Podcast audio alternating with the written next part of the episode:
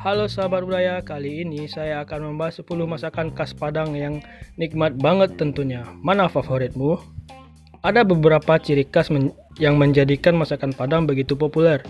Selain bersantan dan cenderung pedas, ternyata perbedaannya terletak pada wilayahnya. Padang di daerah perbukitan lebih sering menggunakan lauk daging seperti dendeng, rendang, dan sebagainya.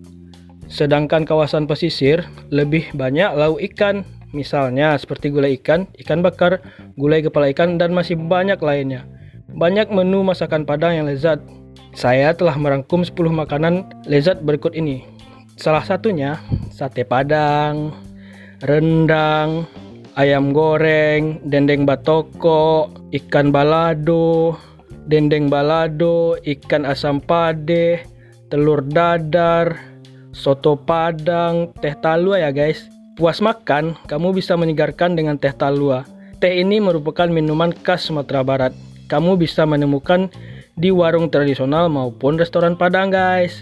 Minuman ini terdiri dari campuran teh, gula, telur, dan sedikit perasan jeruk nipis. Aromanya sangat wangi. Tidak terasa bau amis, telur di dalamnya. Nikmat banget deh pokoknya. Itulah guys, sederet kuliner khas Minangkabau yang lama mana di antara menu masakan Padang yang ada menurut kamu mana yang paling enak guys?